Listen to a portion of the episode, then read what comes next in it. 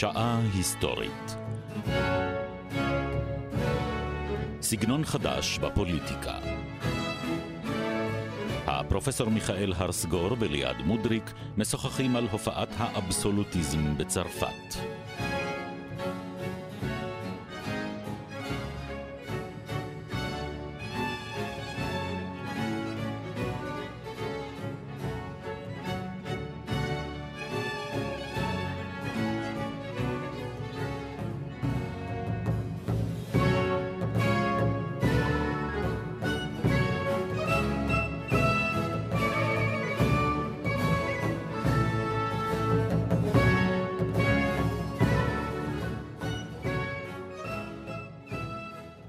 שבת שלום פרופסור. שבת שלום.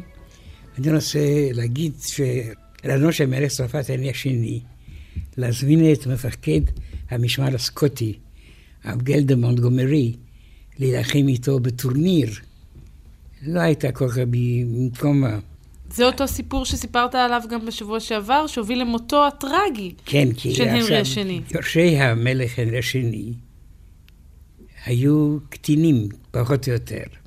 פרנסואה השני, המלך החדש, היה בן 16, ואם כי לפי החוק הצרפתי הוא היה יכול כבר למשול, הוא חי תחת השפעת דודיו של אשתו.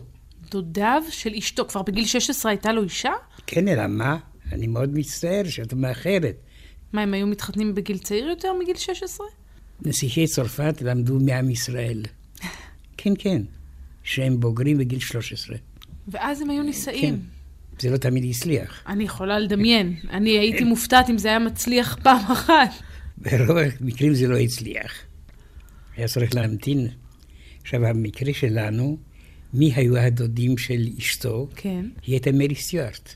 מרי סטיוארט, קווין אוף סקוט. כן, היא הייתה אשתו של פרנסואה השני, מלך צרפת. אני חייבת רגע לעצור, כי יש לי, מתפתחת בי תיאוריית קונספירציה מסוימת. כן, שאתה ו- ודאי תשלול אותה, כי היא כנראה מטופשת, ובכל זאת לא, אני לא, אעלה חלילה, אותה. חלילה. מה שאתה בעצם אומר זה שבעקבות מותו של הנרי השני, כן, עלה לשלטון פרנסואה, שלא הייתה נשואה... השני. השני. כן. שלא הייתה נשואה מרי סטיוארט. שבעצם זה מה שאפשר לדודים שלה, הסקוטים, להשפיע על מלך צרפת. עד כה אני צודקת. הדודים שלה היו צרפתים. הם לא היו סקוטים?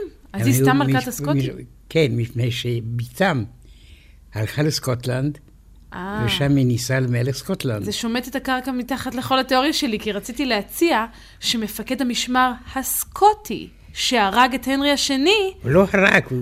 בטורניר, בטורניר, מצא כן. את מותו. אולי הוא רצה להביא לשליטה של הסקוטים על הצרפתים, אבל הרעיון הזה יצטרך כנראה לרדת לטמיון, כי כאמור, התיאוריה לא מחזיקה. אין דבר, יש גם אה, צדדים מאוד מעניינים בתיאוריה השנייה, שהיא, שהיא שהדודים שלה היו ראשי הכסייה הקתולית הקיצונית. הצרפתית. כן, הצרפתית, כן. והם השפיעו מאוד על המלך הצעיר, מאוד צעיר.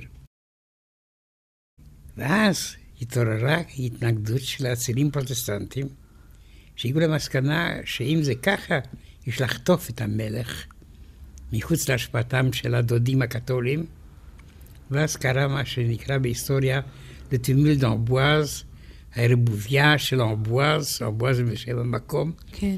ניסיון של אצילים פרוטסטנטים לחטוף את המלך, לחטוף אותו פיזית, לא רק להשפיע עליו מנטלית. לחטוף אותו פיזית, במקום רגיל, במקום בטוח, ששם לא יהיו השפעות קתוליות, ולהציל את צרפת מן הדיקטטורה הקתולית. אבל זו נשמעת תוכנית אה, בעייתית, כי המלך החטוף לא ירצה לשתף איתם פעולה, אני מתארת לעצמי. הם גם לא ניסו את זה, מפני שהייתה המהומה הזאת, והם נעצרו, הקתולים היו ערים, ואז אה, כל הפרשה הזאת נפלה לטמיון. רגע, מה, הם ניסו ממש לחטוף אותו, והקתולים מנעו את זה בעדם, או שזה לא הם- הגיע לשלב המימוש? לא, זה לא הגיע גם עכשיו מימוש, אבל דובר על זה, היו גם אה, אנשים אחראים, קיבלו מינויים, הכל היה מוכן, ואז זה התמוטט. אתה סך. אבל זה הוכיח שבית המלוכה הוא מאוד אה, שביר. מישהו, יש קשר בארמון, ואפשר לחטוף את המלך ואת המלכה, זה מאוד uh, לא בטוח. פרנסואה עצמו, אנחנו יודעים שמרי סטיוארט הייתה קתולית. כן. פרנסואה היה קתולי? כן, אבל הוא היה בן 16, 17. אתה אומר, בגיל הזה הם בעיקר נוחים להשפעות. כן. והוא גם היה חולה מן המחלה שהיא תחטוף אותו בעוד זמן קצר, ותעשה את מרי סטיוארט במלכת סקוטלנד, אבל אלמנה. כן. אלמנה מתוסכלת גם, כי היא כבר לא מלכת צרפת. כן, והוא עוד הצטרה על זה.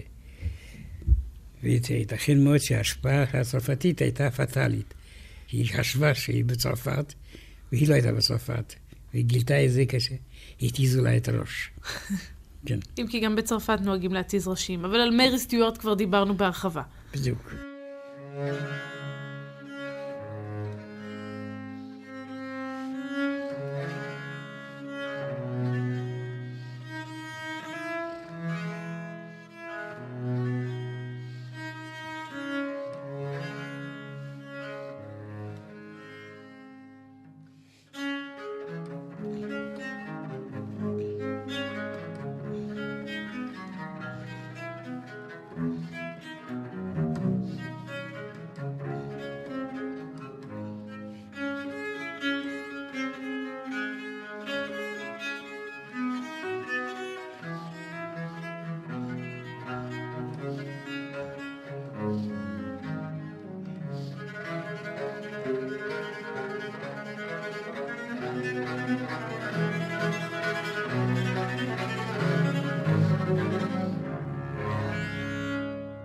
אז נחזור לצרפת.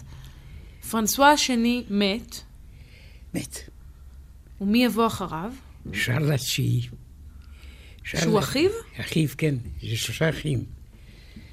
ארבע אחים, הרביעי ימות בינתיים, ככה כולם מתים כל הזמן שם.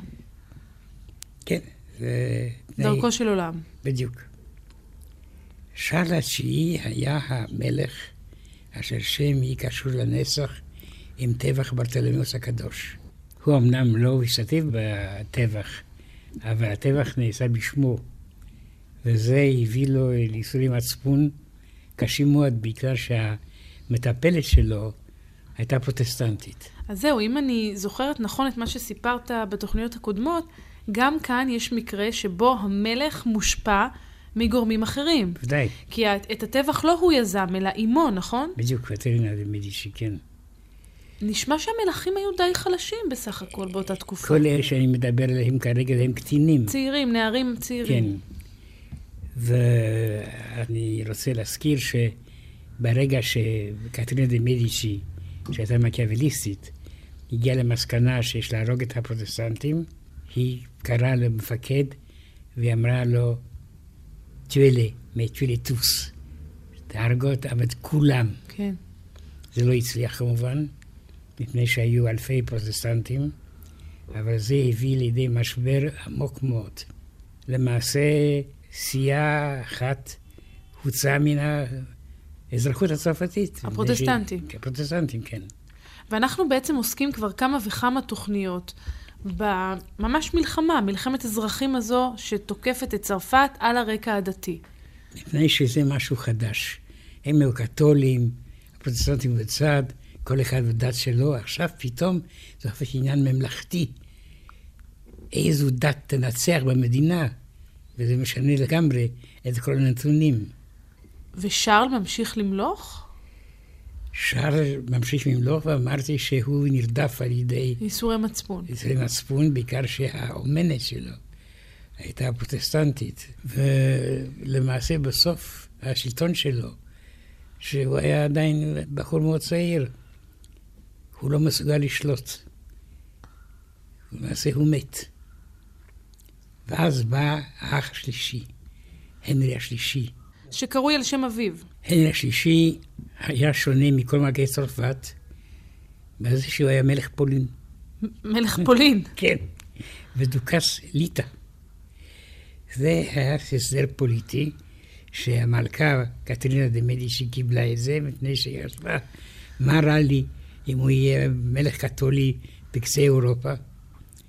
אבל הם לא חשבו בחשבון ששלושה חודשים אחרי שהמלך הגיע לקרקוב, בירת פולין באותה תקופה, הודיעו לו שאחיו, מלך צרפת, מת. כן.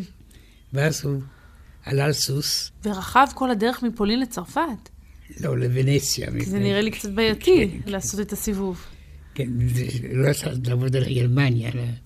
שהייתה אויבת של צרפת. בדיוק. ירד לוונציה, שם הוא נתקבל בסבב פנים יפות מאוד, ושוב עלה לפריז, ואימו, קטרינה, קיבלה אותו בסבר פנים יפות. הוא היה הבן האהוב שלה. Hmm. היא הייתה קוראת לו העיניים הקטנות שלי. כמה זה חמוד. בהחלט. כן. אבל הנרי אנחנו יודעים אגב למה דווקא הוא? הייתה סיבה? הוא היה נאמן לה במיוחד? הצעיר ביותר, Mm, בין הזקונים. כן. הוא היה גם יותר חכם, בינתיים עברו- שנים שהנערים יכלו להתבגר.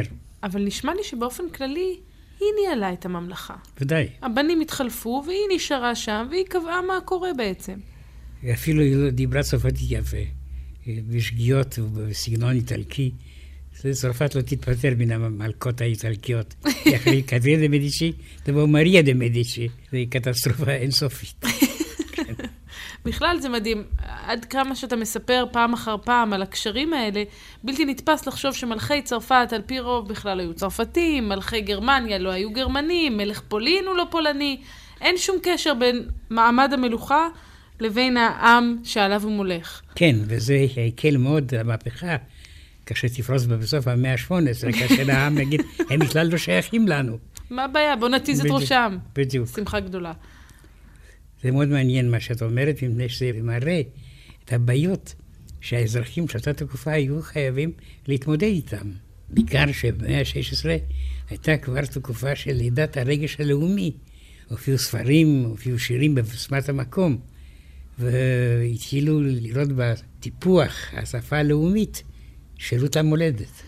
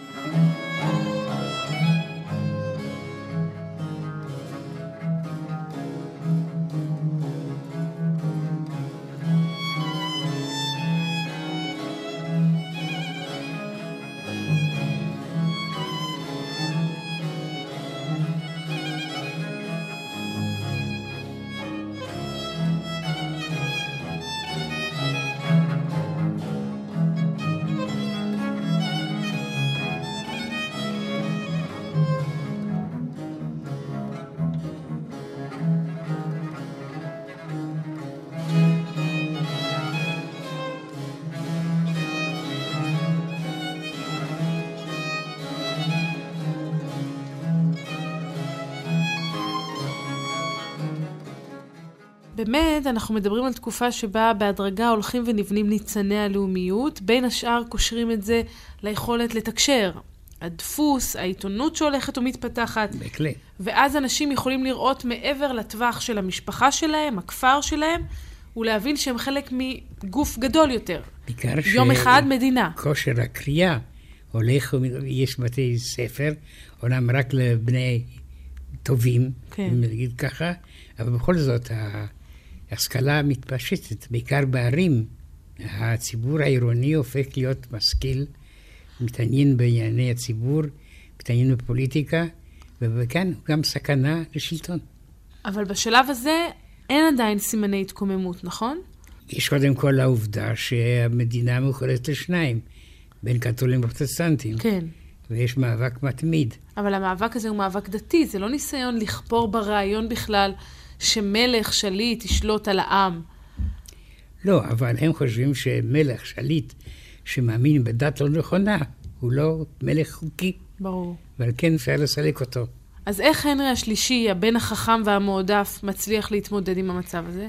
אני לא אומר שזה בגלל המלכות של שנתיים בפולין, אבל אם כי הוא למד, למשל, משהו מאוד מעניין. לא היו בתי כיסא מודרניים בצרפת, ובקרקוב כן היו. אה, בקרקוב כן, כבר היו? זה להפתעתם המוחלטת של הצרפתים. ובצ- ובצרפת שחשבו- עדיין השתמשו בסירי לילה או סירי בדיוק, יום. בדיוק, שהיו סידורי פחות או יותר מודרניים, והנרי השלישי פקד מיד להנהיג אותם גם בצרפת. אז הוא זה שהביא לצרפת את השירותים. כן, זה מאוד מסעיר. זה לא כל כך מהולל. זה מאוד מהולל, זה משנה את התברואה, זה נותן סיכוי טוב יותר להחלים ממחלות, לא להידבק אבל הוא. לא יכול היה להתרברב מול העם, אני הבאתי לכם את בתי כיסא.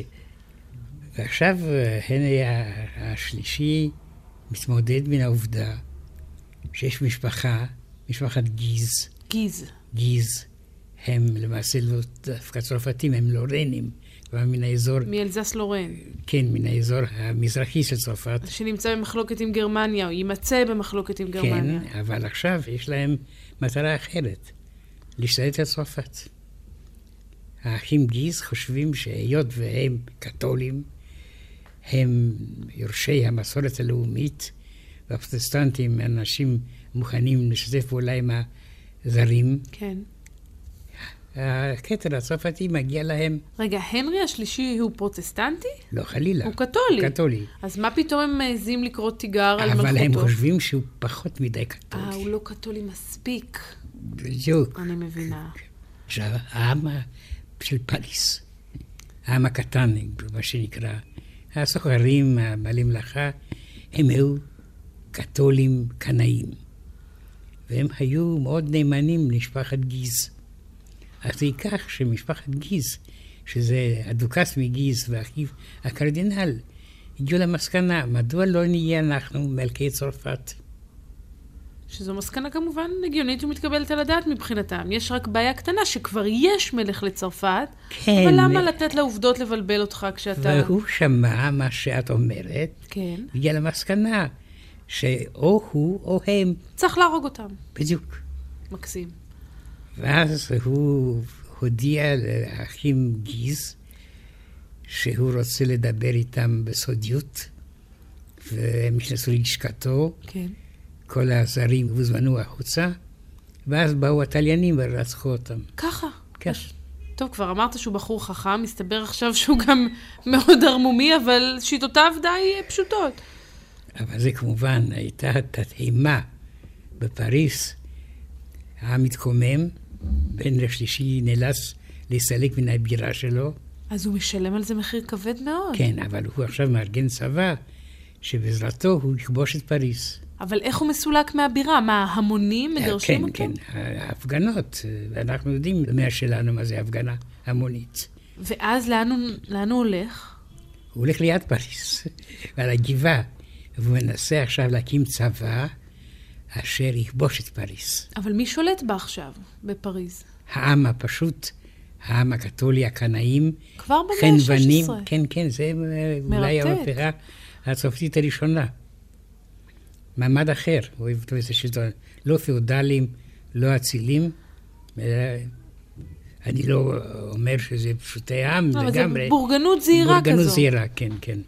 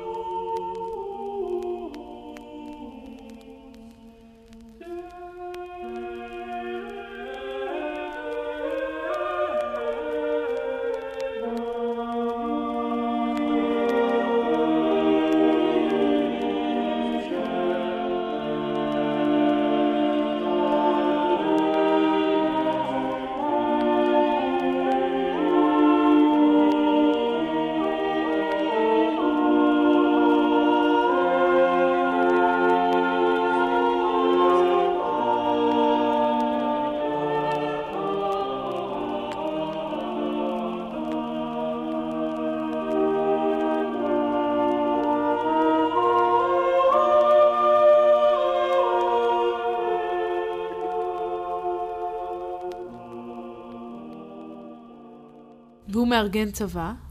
הוא מארגן צבא, ואז בא נזיר בשם ז'אק קלמה, והודיע לו שיש לו סודות למלך. הנזיר מודיע למלך שיש לו סודות. כן. אדם, נזיר, קתולי, ואומר למלך, הוד מלכותך, יש לי סודות, אבל אני חייב לספר לך בעל פה רק כששנינו נהיה ביחד בחדר. איזה מתח. המלך כבר יודע מה קורה כשמוציאים אנשים מהחדר, זה, יש פה סיכון מקצועי. אבל הפעם הוא אומר, בבקשה. בבקשה. והוא קורא את המסמכים שהנזיר מביא לו, ובאותו זמן הנזיר תוקע לו סכין הנה, בבטן. אז אני, אז אני, זה בדיוק מה שחשבתי שיקרה, איך המלך לא חשב על זה? הוא לא, לא חיפשו על והולך. הגוף שלו איפה יהיו שומרי הראש. כן. טוב, היה מתח. אז הנזיר רצח אותו. מהפכנית, הוא רצח אותו, והוא גסס 24 שעות. בזמן הגסיסה הוא אמר לאלה שהיו מסביבו, תקבלו את הנרי מלך נווארה בתור מלך צרפת. אז עוד הנרי יגיע עכשיו? כן, דרך אגב, התקופה הזאת נקראת מלחמת שלושת ההנרים. מעניין. הנרי דה גיז, הנרי דה נוואר, הנרי דה בורבון. אה, גם לגיז קראו הנרי? כן, במקרה. יש שם שם אופנתי. נפוץ. כן. אבל זה ממש, הסיפור של, של הנרי השלישי, זה ממש צדק פואטי כזה, אפילו ספרותי. הוא גירש אנשים, הוציא אנשים מהחדר, רצח את הנרי דה גיז, כן, וזכה לגורל דומה, אחד לאחד. כן, רק בחדר אחר. כן. והתליינים היו שונים, אבל הסיפור אותו סיפור. כן, דרך אגב, כשהנזיר הזה תקע את סכינו בבטנו של המלך, אנשי משמר המלך הרגו את הנזיר. אה, יפה שהם נזכרו באמת לעשות משהו. קצת יותר מאוחר. אני אז רואה שרצח המלכים מאוד משעשע אותך. לא, חלילה. כן. אני, ליבי יוצא אליהם. אני. תוהה איך לא ניתן היה למנוע את המעשה השפל הזה. אני מתרגש מן הלב הטוב שלך. מצד שני, מי שרצח אחרים, שלא יתפלא אחר כך שרוצחים אותו, זה מה שאני רק אומרת. אל תשכחי שכל האנשים הללו קראו את מקיאוולי. כן, ואפילו היה עניין אישי. קטרינה דה מדישיס הייתה בתו של כן. האדם שמקיאוולי הקדיש לו את הספר, הנסיך. אז לא נתפלא על כך שהם מאמצים את השיטות המקיאווליסטיות. אבל עכשיו, עם. מותו של הנרי השלישי, מי שמועמד להיות מלך צרפת הוא פרוטסטנטי. הנרי מנווארה הוא פרוטסטנטי? ודאי. מי הוא בכלל? הוא בן משפחת בורבון, המסונפת לבית המלוכה, כן. אבל הוא בן של ז'אן ד'אלברה, שהיא הייתה מלכת נווארה. נווארה היא מדינה קטנה בדרום צרפת, והייתה קנאית פרוטסטנטית, מאוד משכילה, מאוד נלהבת, והיא חינכה את הבן שלה, אותו הנרי, כן. שאני מדברת עליו, להיות פרוטסטנטי נאמן. אז למה הנרי השלישי בוחר דווקא בו? הרי אמרנו שהנרי השלישי היה קתולי. כן, אבל מבחינת האילן היוחסים, הוא הבא בתור. בא בתור, בתור יורש. אבל הבנתי. מה עושים כשהוא פרוטסטנטי? מה עושים? רוצחים אותו. לא חלילה, לא. הייתה לו אהובה מאוד יפה, מאוד חכמה, גבריאל דסטרה. והיא אמרה לו, תפסיק עם הדת, תהיה קתולי, תהיה מלך צרפת. גישה פרגמטית. כן, בדיוק. הוא קיבל את העצה. אבל הקתולים לא האמינו, פתאום הוא הופך קתולי כדי להיות מלך. מה פתאום? הוא רמאי. זה נשמע באמת כמעשה, לא יודעת אם רמייה, אבל בוא נאמר, לא מעשה אידיאולוגי בשום צורה. סוף סוף הוא קיבל חינוך פרוטסטנטי, והוא מאוד מאוד תמך בדת הזאת. פתאום הוא הפך קתולי, אבל למען הכתר, ואז הוא אמר את המשפט המפורסם, פרי וביין מס.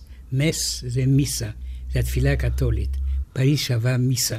כלומר, אם אני קתולי ואני אלך למיסה, אז פריז תהיה שלי. כלומר, יש מחירים ששווה לש- לשלם. כן, והוא... למה להתעסק בקטנות? קתולי, פרוטסטנטי, העיקר מלך צרפת. בדיוק. הוא הבין, הוא היה אדם מודרני, הוא הבין את זה. לא אכפת לו למעשה, בין- מה שמעניין אצל מלכי צרפת, אפשר לבחון את זה תמיד דרך אנשים. הוא המשיך לקיים הרבה אה, אהופות פרוטסטנטיות. במקביל?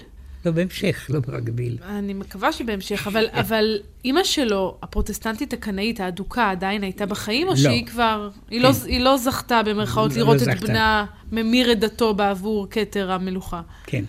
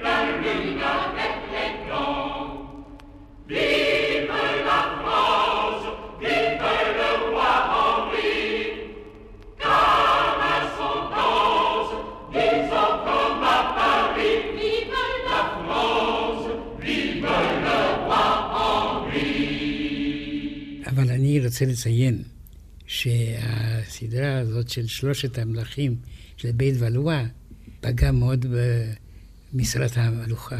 מדוע? כל הנערים הללו, אחד אחרי השני, כולם עם בעיות, כולם לא נורמליים, פחות או יותר. ומחלות, חלקם כן. מצאו את מותם בשלב מאוד מוקדם. ונוצרה איזושהי הרגשה בצרפת שחייבים משטר אחר. אי אפשר לבנות את הכל על המלך כאדם חלש, או אדם חולה, או אדם שאולי אפילו לא שפוי. על כן הופיעה את ההרגשה שצרפת זקוקה למשטר חזק, בעל הביתי. אדם שלא יהיה מונע על ידי אידיאולוגיות, אלא על ידי האינטרס הלאומי. עין הרביעי, לקראת המשטר החדש שהוא רצה להקים, הוא היה חייב להתפטר מאשתו הראשונה, שהייתה פרוטסטנטית. הנרי הרביעי שותף לתחושה הצרפתית שצריך לשנות את שיטת ה... בהחלט. הוא רואה את עצמו כאדם שיעשה את זה. מה בעצם אומר השינוי? מה הוא כולל? קודם כל, לא מלכים קטינים שמושפעים על ידי, אלא משטר מסודר יותר, קונסטיטוציוני, עם השתתפות נציגי הממלכה. למעשה, ראשית האבסולוטיזם החדש. אבל מה מבחין בין האבסולוטיזם החדש לבין השלטון המלוכני? הרי בכל מקרה יש מלך, נכון? כן, אבל האבסולוטיזם דורש גם מנגנון. והדגש עכשיו על המנגנון, מה שלא היה קודם, כשהמלכים היו נותנים להשפעות אה, כאלה רגשיות. ואחרות, כן, שאין כן. להן שום אחיזה כן. במציאות. אז אנחנו מדברים על מנגנון שמורכב ממה? מאספת עם? לא, קודם כל היו פרלמנטים, שלא היו פרלמנטים במובן מודרני, אלא הפרלמנטים היו בתי דין, משפטיים. משפיטים, אבל הם חינכו סדרה של אה, גברים שיכלו לאחר זאת להיות אחראים לנהל המדינה. אה, עכשיו, ציבור שממנו אפשר לשאוף את הפקידים הבכירים של המדינה. כן. ובעיקר, הם פשוט שאבו להם איזושהי מומחיות פוליטית, שלא כל אחד רוצה לשלוט, הוא מלך, אלא מישהו חייב להיות מוכן לזה. כלומר, בעצם נוצר כאן מנגנון הכשרה למנהיגים. בדיוק. ואז מופיע עכשיו אדם אחד חדש, שהוא יהיה האדם המכריע בתקופה הקרובה, הוא רישליו. רישליו הוא איש כנסייה צרפתי ממרכז צרפת. אביו הנפטר לחם למען כתר צרפת, ועל כן המלך שרל התשיעי אמר לו לתת לו משהו, למשל את הבישופות של לוסיון. עכשיו להבין, הבישופויות היו אה, שטחים, כשהיו לו הכנסות הקדושות לבישוף. דרך אגב, אני הייתי בלויסון, וכפי, הייתי במאה ה-20 בלויסון, והיא כל כך עלובה שאני מתאר לעצמי מה היא הייתה במאה ה-17. אבל בכל מקרה, אביו של רשליה מקבל... את ליסון. את את ליסון? הבישופות. אז ליסון. הוא עכשיו הבישוף של לוסון? לא הבישוף, הוא מקבל את ההכנסות. אה, יש כן. בישוף אחר? כן, אחר, שנשאר בלי הכנסות. זה סידור מעניין, לא לבישוף. בהחלט. כן. אבל זה לא תואר אצולה, אם כך. לא, לא, פשוט, זה עניין של הכנסה. הבנתי. ועכשיו היורש של ההכנסה של הבישופות הזאת הוא אדם שיהיה בעצמו בישוף, הוא רישליה. בישוף זה תואר שמקבלים דרך המנגנון הכנסייתי, נכון? רק כנסייתי, רק כן. הכנסייתי. כן, כן. המלך אין לו סמכות להעניק את ה... הוא יכול להעניק את ההכנסות. כן, כפי שהוא עשה. כן. אבל כדי להפוך לבישוף, רשליה צריך לעבור דרך הכנסייה. וכאן, הקתולית. כן, מה שאת אומרת זה מאוד מעניין, מפני שפתאום התברר שהוא מונה לקרדינל מתחת לגיל ההכרחי, ומתחת לגיל 22. מה, כי הוא היה כזה מטאור ו... כן, כן, ללא ספק. ואז אומרים לו, אדוני, אתה חייב לנסוע לרומא כדי לשכנע את האפיפיור שאתה יכול ראוי להיות- לזה. שאתה ראוי לזה. אז הוא נוסע לרומא. כן, ובינתיים אה, בדרך הוא כותב ספר קתולי מאוד משכנע ומרשים. זה. בכלל יפה, שהוא נוסע, בדרך הוא כותב ספר כן, משכנע. אבל אל תשכחי שנסיעה הזאת של עניין של חודשים. ברור. כן. ובכל זאת, אתה יודע, תלאות הדרך לא משפיעות עליו, הוא מצליח להתגבר על המסע, הוא פשוט הוא- לכתוב. הוא, הוא היה איש ברזל, הוא היה אדם מאוד מאוד חזק. והוא חוזר, ועכשיו הוא כבר יכול להיות קרדינל, הוא יכול להיות כבר בישוף של אותה עיר האיומה שאני הזכרתי, של ליסו. אז האפיפיור משתכנע. כן. יש גם לחץ מסוים, גם כספי, אני חושב, מטעם של צרפת. כל הדברים הללו לא כל כך זרים למה שמתרחש היום. כן.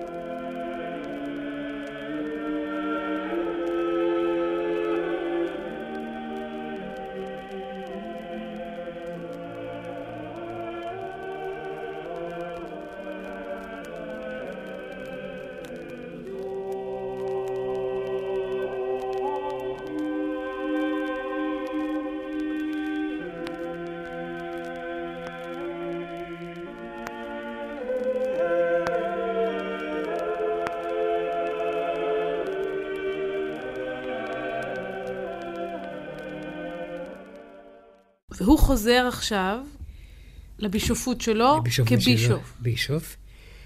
ואז בא המגע הראשון שלו עם המלך. הנרי הרביעי. לא, מנרי רביעי מת. אה, הנרי הרביעי כבר מת. כן, הוא עליו נרצח. השלום, לא נפרדנו, הוא לא אמרנו. נרצח, הוא נרצח. הוא גם נרצח? כן. הוא נרצח ב-1610 כשנסע לבקר אצל שר החולה שלו. ספר. זה סיפור אה, מאוד... יומיומי, זה נשמע שזה ממש לא מטריד. מאוד- לא קצר. כן, לא מסעיר אותך. לפי דעתי זה מאוד מעניין, מפני שזה מוכיח שהיה דת קהל כבר בתקופה כל כך מוקדמת.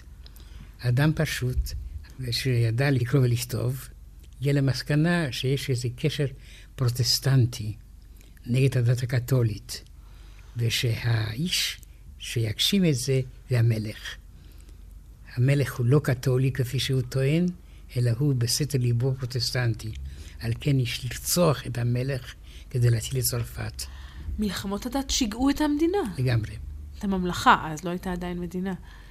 ואז המלך נוסע לבקר אצל השר האהוב שלו, שהוא חולה. אה, הוא חולה, והכרכרה הייתה פתוחה לגמרי, יכולת להיכנס לתוכה, וכאשר הוא מגיע ליד הארמון ששם גר אותו שר, אה, מופיע עגלה עם ירקות שמפריעה לכרכרה המלכותית להתקדם. כן.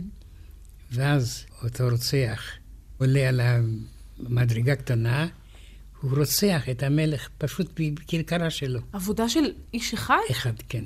ולא מצאו אף אדם אחר שקשר איתו את הקשר, לא היו ראיות לאינטרסים יותר גדולים? יש כאן נקודה מאוד מעניינת.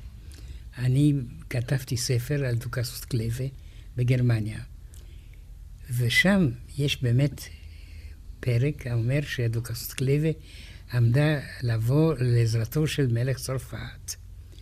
והוא, זה מאוד מעניין, האדם הזה לא היה אנאלפבית, אבל הוא התמצא עד כדי כך שמה שהוא קורא בגרמניה יכול להשפיע על המצב של צרפת, על כן חייבים לרצוח את המלך, אז הוא רצח את המלך. אחרי זה הוא נע בצורה מחרידה, והוצא להורג, אבל המלך כבר לא היה. אז מי תופס את מקומו של הנרי הרביעי? בנו, לואי השלושה עשר, וזה מקרה מאוד מעניין.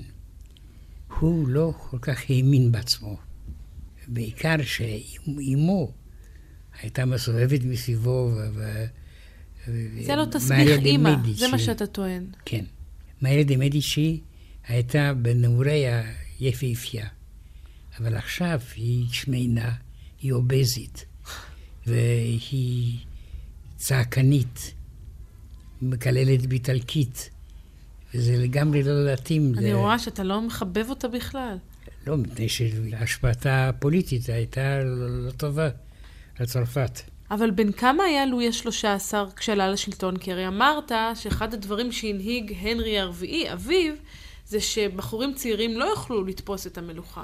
הוא היה בן 17. אה, אז זה ממש רפורמה, אני מבינה, מה שעשה האבא. ספק. מגיל 16 ל-17, לא, עד שתזכרי שפרנסואה השני הגיע לשלטון בגיל 14. אה, הבנתי, זה כן. כבר עניין של שלוש שנים, כן, זה באמת לא, אי אפשר לזלזל בגיל בזה. כזה, בשומר הצעיר אומרים שזה הגיל הקובע.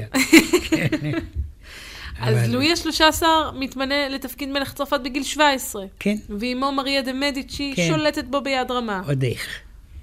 הוא לא סובל את זה, אבל הוא לא יודע מה לעשות. ואז הופיע אותו שר חדש, קרדינל דה רישליו, שאין בינו לבין המלך כל אהדה. המלך היה עצלן, ילדותי, בכיין. רישליו היה חריף, מצווה, גברי. איש עבודה. איש עבודה. ומה שמעניין, מאוד מעניין, וזה ייאמר לשבחו של לואי השלושה עשר, הוא לא אהב את הקרדינל, אבל הוא הגיע למסקנה שרק על ידי שיתוף פעולה איתו אפשר לקדם את הממלכה.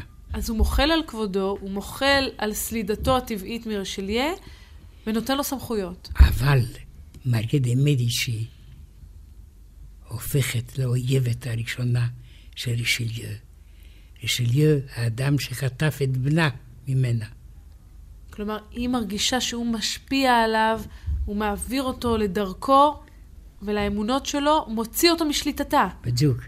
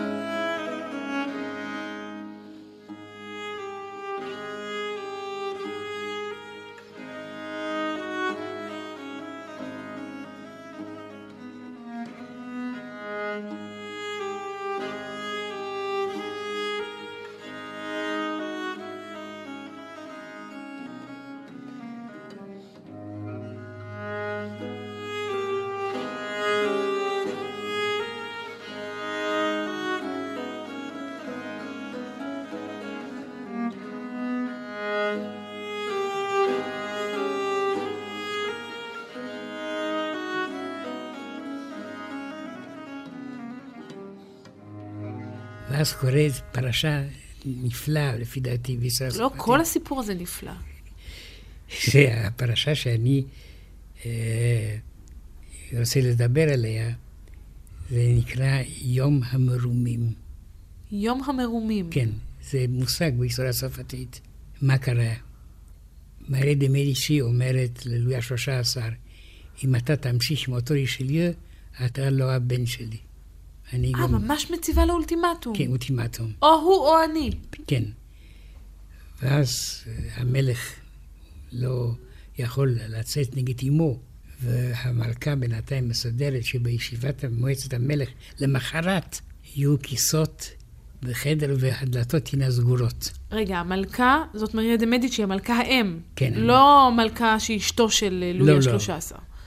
אשתו עדיין לא קיימת. אה, הוא עדיין לא נשוי. לא נשוי, כן. אחרי זה תבוא, היא לא, לא תשפיע עליו. אז היא מכנסת את הפגישה הזאת, כל כן. הכיסאות קיימים, הדלתות סגורות. כן, מפני שהאווירה הייתה נגד רישליו. היו לועגים לקרובות שלו, צוחקים ממנו, והוא היה במצב של ייאוש. ואז בא היום המרומים המפורסם, לז'ורני דה דופ, 1630. יום אחד האווירה היא ברורה ביותר, מאירה דה מדיצ'י מנצחת, רישליו מסולק, ושלום הצרפת. ואז קורה משהו מאוד מעניין. בבוקרו של אותו יום אומרים למלך, יש שם בקתה בחצר, אולי עוד מלכותך יכולה להתקרב. אז הוא הולך לאותו בקתה, ושם, מי יושב שם? רישליו. שמחכה לו. מחכה לו. אז אה, המלך הולך לרישליו ואומר, אתה יכול לסמוך עליי. מחר בישיבת המועצה אתה תנצח. אבל אומר רישליו, אבל איך אני אפילו לא יכול להיכנס, מפני שהעוזרות סגרו מסביב. נעלה את הדלתות. כן. ואז בא עניין הדלת המפורסמת. כנראה שהוא שיחד אחת העוזרות. מי, רשליהו או המלך? רשליהו עוד יכול היה להוציא כמה פרנקים. כן. ולשחד אחת העוזרות, וכאשר המועצה מתכנסת, פתאום להפתעתה של המלכה מופיע רשליהו, דרך הדלת שאותה עוזרת פתחה. במזימה שהוא רקם יחד עם המלך. זה, זה, זה נקרא יום הרומים, ז'וני די דופ. פתאום הכל הפוך. אבל מה פתאום? הרי המלך עד עכשיו נכנע פעם אחר פעם לאימו. כן, ובכן, הוא התאושש. תפס שכל. וזה מראה מה זה אבסולוטיזם. למעשה, המלך הוא הקובע. על פיו יישק דבר. בדיוק. ובדת אימה כללית, כולם היו מוכנים לקלל אותו, פתאום הוא נכנס, והמלך נכנס, מה עושים? אז הוא מתקרב למלכה. מי, רשליה? רשליה, מרים את שמלתה. מרים את שמלתה? כן, קצת. הוא מנשק את שבילי השמלה. כדי לסמן, אני לשירותך. בדיוק. את רוצה להעיף אותי, אבל אני כאן. וזה עכשיו קורה דבר מאוד מעניין, מפני שבן רגע הכל משתנה. כל אלה שצמחו במלכה, כשרואים שהמלך התעורש, עוברים לצידו. מבינים שמוקד הכוח השתנה. השתנה, כן. ואומנם המלכה מקללת וצועקת, אבל הישיבה מסתיימת, ובאותו נובמבר 1630 זה היה יום המרומים. כולם חשבו שרישליו החוצה, ובסוף רישליו המנצח. הוא ימשיך לנטלי את המדינה בשיתוף פעולה עם לואי ה-13 עד מותו. של מי? של רשליה? של רשליה, כן. כמה שנים הולך לואי ה-13, פחות או יותר? עשרים שנה. אה, כלומר הוא מצליח להאריך ימים בתפקיד כן, הזה. כן, כן. סוף סוף המלך לא מת. כמו הנסיכים של בית ולואה, כן. שמתו בגיל 13, 14. לכן שאלתי, 15. ושיתוף הפעולה ביניהם כן. ממשיך להיות הדוק לאורך כל הדרך? כן, לא היו עוד ניסיונות של מריה דה מדיצ'י? היו, אבל הם לא הצליחו. ואחרי זה, מאוד פרט מאוד מעניין, מרוב ייאוש, מריה דה מדיצ'י הייתה מלכת האם, כן. ברחה מן המדינה, הגיעה עד לקלן בגרמניה, ושם היא מצאה מקלט אצל מי? אצל אצל? רובנס, הצייר? הגדול שצייר אותה כשהיא הייתה מלכה בזוהרה. ומה, היא עברה לגור לגור במעונו? ומתה שם, ושם היא מתה? כן. למה היא לא חזרה לה- לאיטליה, למולדתה? בגרמניה. אבל זה- לא היה ביניהם עניין. לא, לא. לא, לא. לא, לא, לא. לא צריך להגזים, אתה אומר. זה ברור. למעשה, אני חושב שהייתה טיפשה. כן, אנחנו כבר, כבר רמזת על כך קודם. מוגבלת מאוד. אבל זה בעצם ניצחון גורף של רשליה. אם היא מסולקת אפילו מה- מהממלכה, היא כבר לא שם. טוב, היא לא סולקה. לא, אבל סילקה את עצמה. כן, בדיוק. העניין הוא שהיא כבר לא קובעת, היא כבר לא נמצאת במוקד העניינים. בדיוק. עד היום בישראל הצרפתית רואים את היום, ה-24 שעות הללו, אותו יום המרומים. מרומים כמכריע בהיסטוריה של צרפת. עכשיו רישליו הוא סוף סוף האדון של המעשים של צרפת, הוא קרדינל. כלומר, הוא איש של הכנסייה הקתולית, אבל הוא עכשיו גם אדונה של צרפת. והוא מגיע למסקנה שהיות והאויבים שלנו, הספרדים, הם קתולים, אנחנו חייבים לקרות ברית עם הפרוטסטנטים. אני אומר את זה, רשליה הקתולי, איש הכנסייה, הבישוף, הקרדינל, רוצה לכרות ברית עם הפרוטסטנטים. מפני שהאינטרס של צרפת להחליש את ספרד הקתולית, לא אכפת עם מי אני עושה ברית, אבל היישוב הוא מקוויליסטי, הוא פוליטי טהור, ולתימת אירופה. זהו, כי עד עכשיו כן. אנחנו נחשפנו כמעט אך ורק לאינטרסים דתיים. גמרנו. האינטרס של צרפת עולה לפי דעת רישליו האינטרסים דתיים, והוא מוכן לקרות ברית עם נסיכים גרמנים שלוחמים נגד הקיסרות האבסבורגית. נסיכים גרמנים פרוטסטנטים. פרוטסטנטים, כן, כמובן. ואיך זה מתקבל על ידי הכנסייה? מה אכפת לה? עכשיו צרפת היא מעצמה, הכנסייה יכולה לבכות. כן. וזה למעשה, לפי דעתי, התרומה הגדולה, המכרעת, של רישליו לפוליטיקה, גם לתולדות צרפת, גם לפוליטיקה הבינלאומית. סגנון חדש בפוליטיקה מופיע, והחלוץ של הפוליטיקה הזאת הוא רישליו. שעה היסטורית סגנון חדש בפוליטיקה הפרופסור מיכאל הרסגור וליעד מודריק שוחחו על הופעת האבסולוטיזם בצרפת.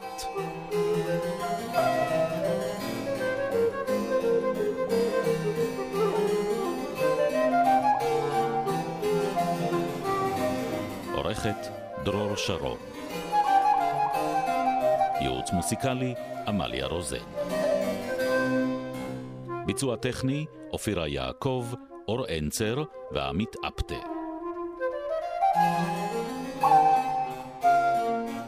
בתוכנית הושמעו קטעים מוסיקליים מאת המלחינים לולי, מרה, דופיי וקופרן.